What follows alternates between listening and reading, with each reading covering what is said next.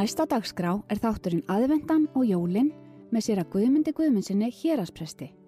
Í þessum þáttum fjallar Guðmundur um jólasálma og siði frá öðrum löndum.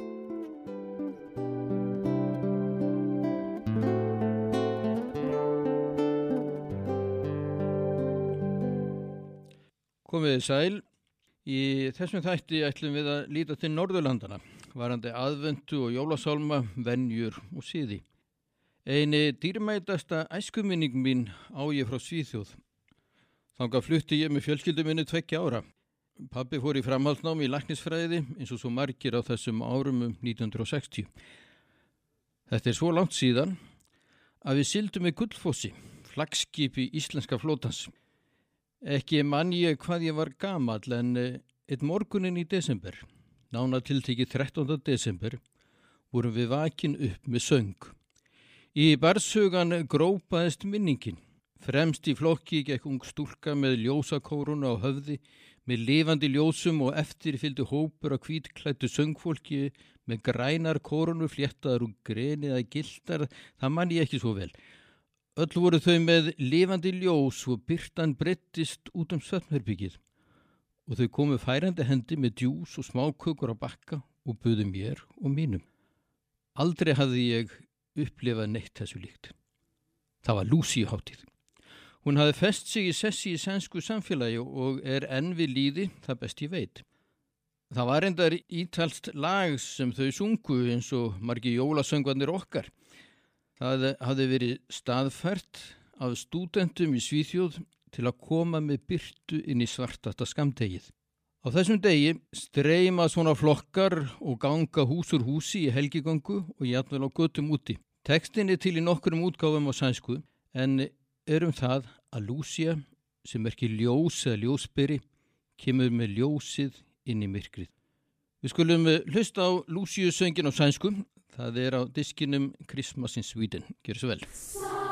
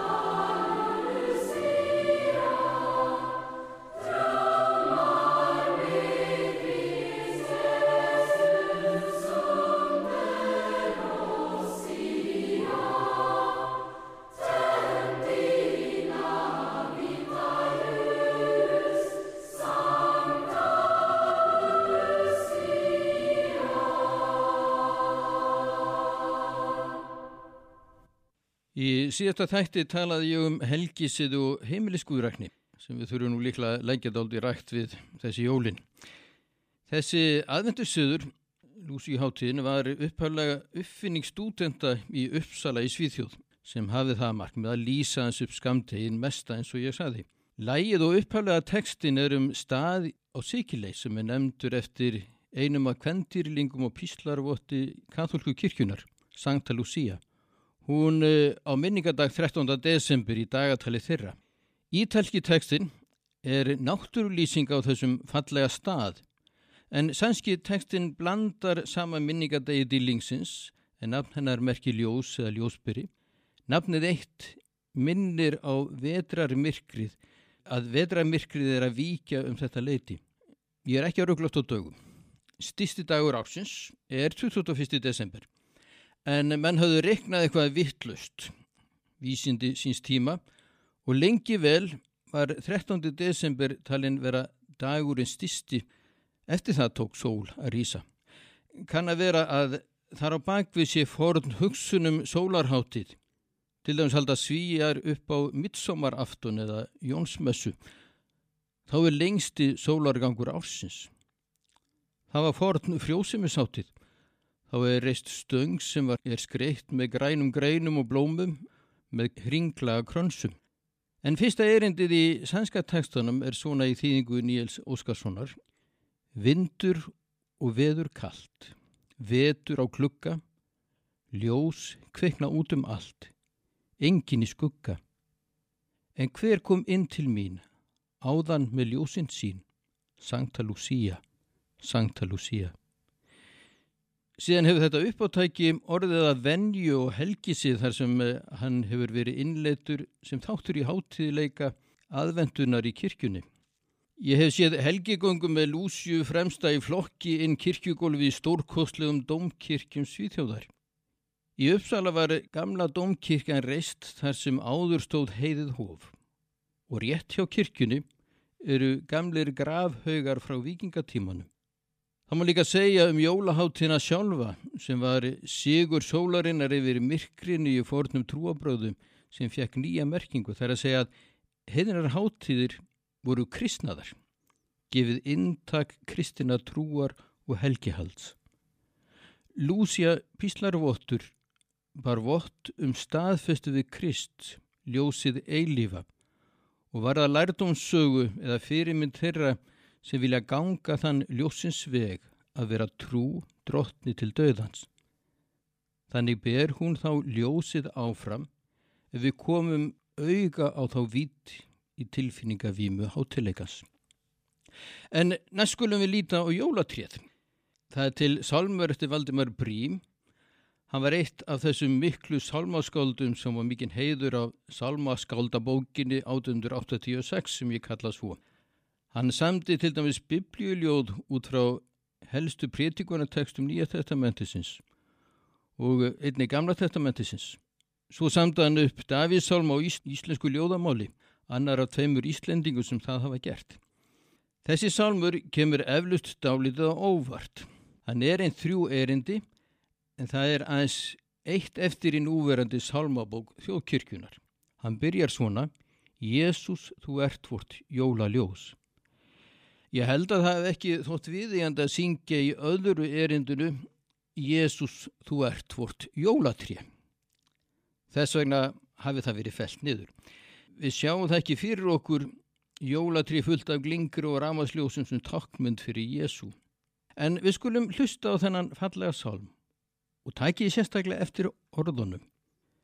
Það er Kóður Akureyri kirkji sem syngur hann undir stjórn Eithor Singa Jónssonar, organist á kórstjóra af plötunu Óþú hljóða tíð. Hann létt náttúrulega kórin syngja öll erindin. Lægið er eftir þekkt danst tónskáld Væse. Skulum hlusta á Jésús þú ert vort jólaljós.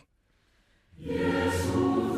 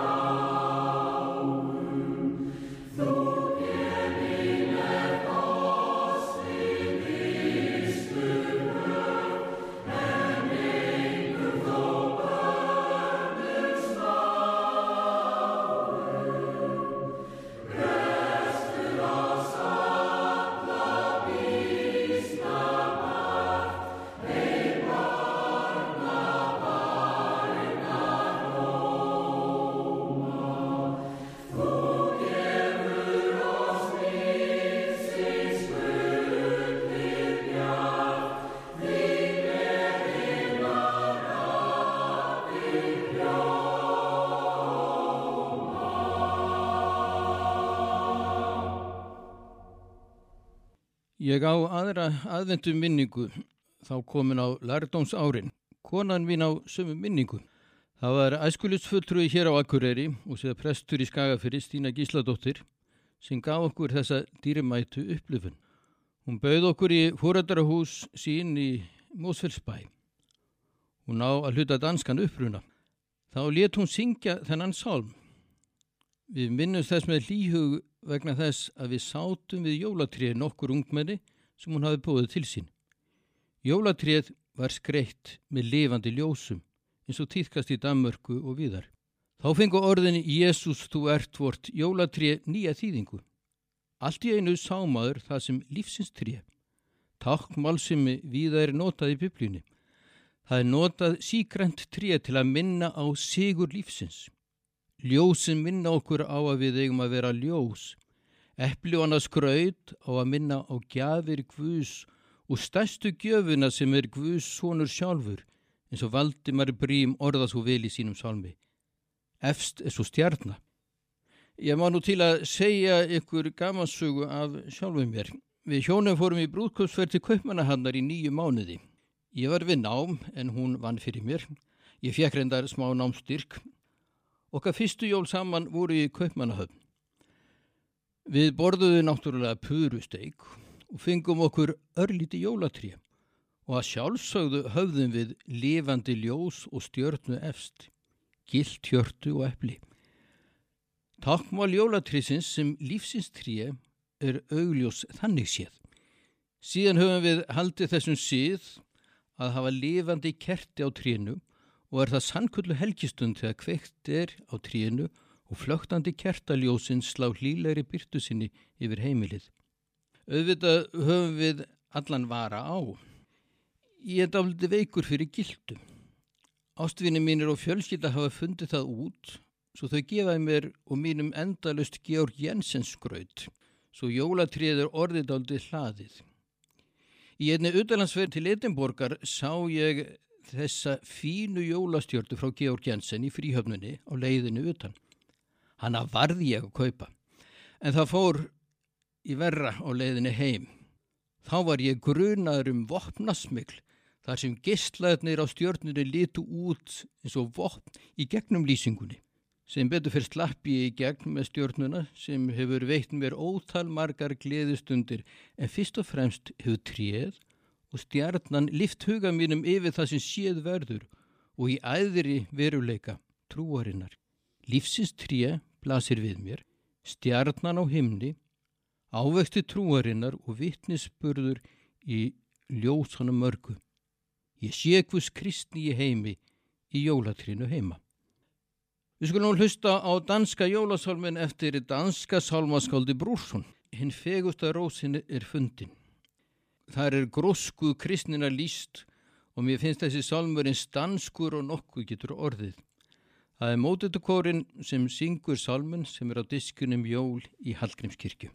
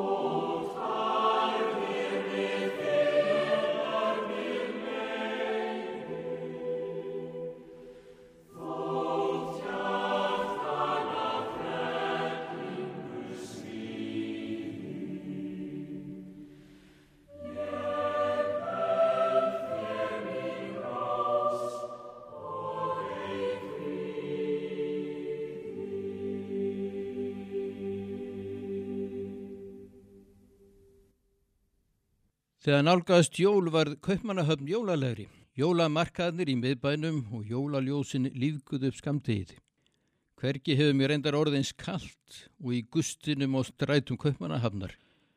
Ég hjólaði á konungla bókasafni í gegnum bæin frá Búrúsalið þar sem við byggum.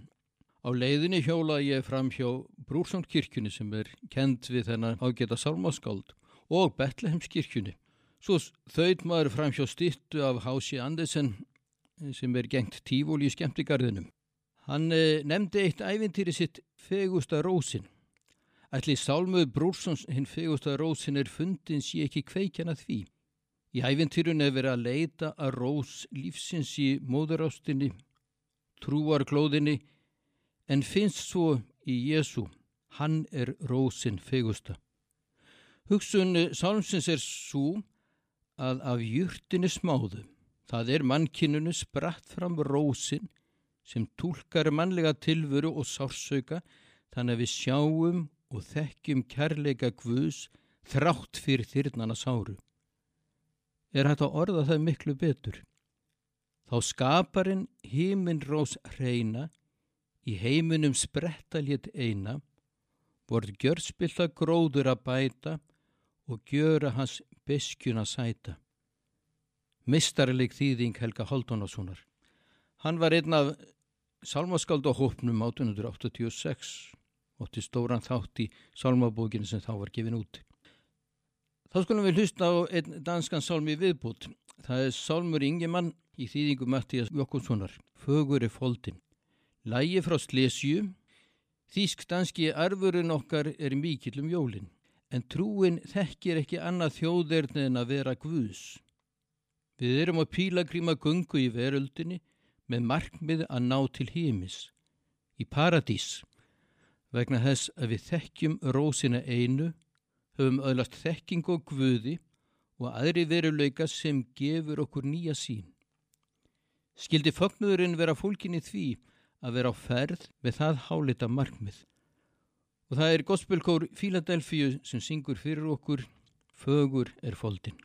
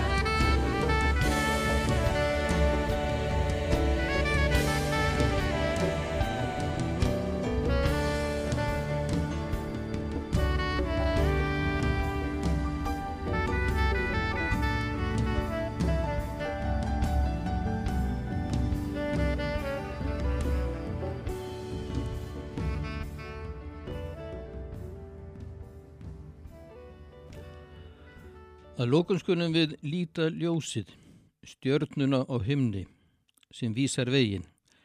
Það er Salmur Grúndvíks og hvað dýrlegt er að sjá.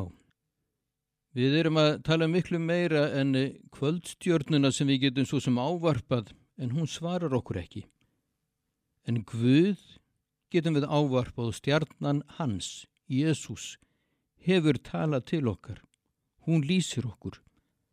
Aftur erum við að ferð með vitringunum sem fylgja þeirri stjörnu sem okkur bendur upp til sín. Ég saði í fyrsta þættinum að jólahaldið er bræðgott og í öðrum þætti að það ætti að vera skemmtilegt. Og þessir salmar sem við höfum hlustað á veit okkur þekking og guði. Jólahaldið er lærdomsríkt. Sálmaskáldið Grundvik samti sálminn sem barnasálm og var eitt fyrsti sálmurinn hans saman um 1810 en það var ekki síðast í sálmurinn. Hann fekk meira sér konunglega styrki heilt ár til þess að semja sálma en það eru margir sálmadir sem hann hefur skrifað. En e, þegar hann skrifaði þennan sálm var hann í mikilli sálar glímu. En þessi sálmur var eins og leiðar stefið í öllum sálma hvaðskap hans. Taktu nú með þér þessi tákn út í dægin og jólahaldið, ljósið, lífsins tríu og stjörnuna himnesku. Það er Eithór Ingi Jónsson, organisti og Jón Þorstinsson, hópurisöngveri sem flytja lægið af diskinum Inn er helgi ringt. Í næsta þætti förum við til Englands og upplifum jólasöngva þeirra þar, Christmas Carols. Guð blessi þig og þína.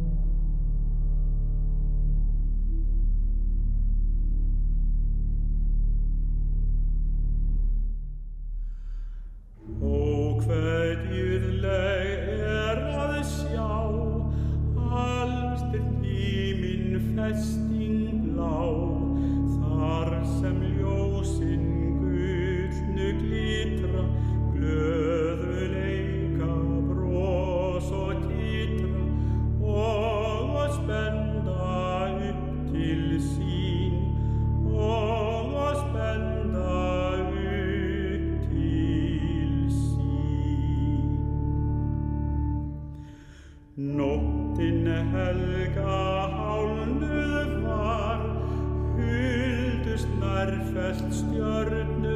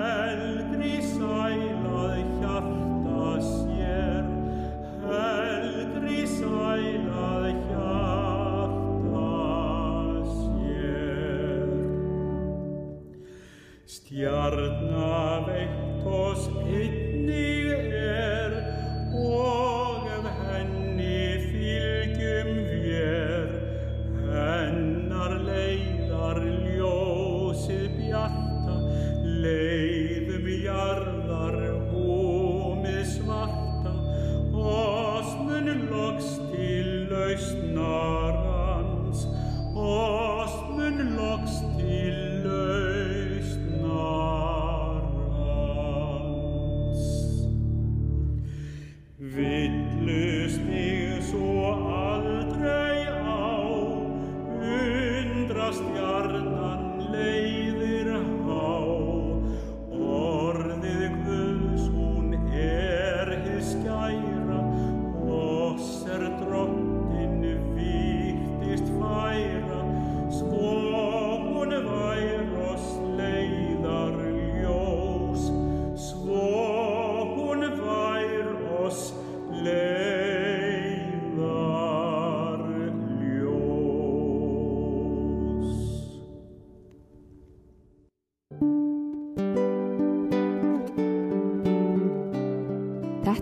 þátturinn aðvendan og jólinn með sér að Guðmundi Guðmundsinni hér að spresti.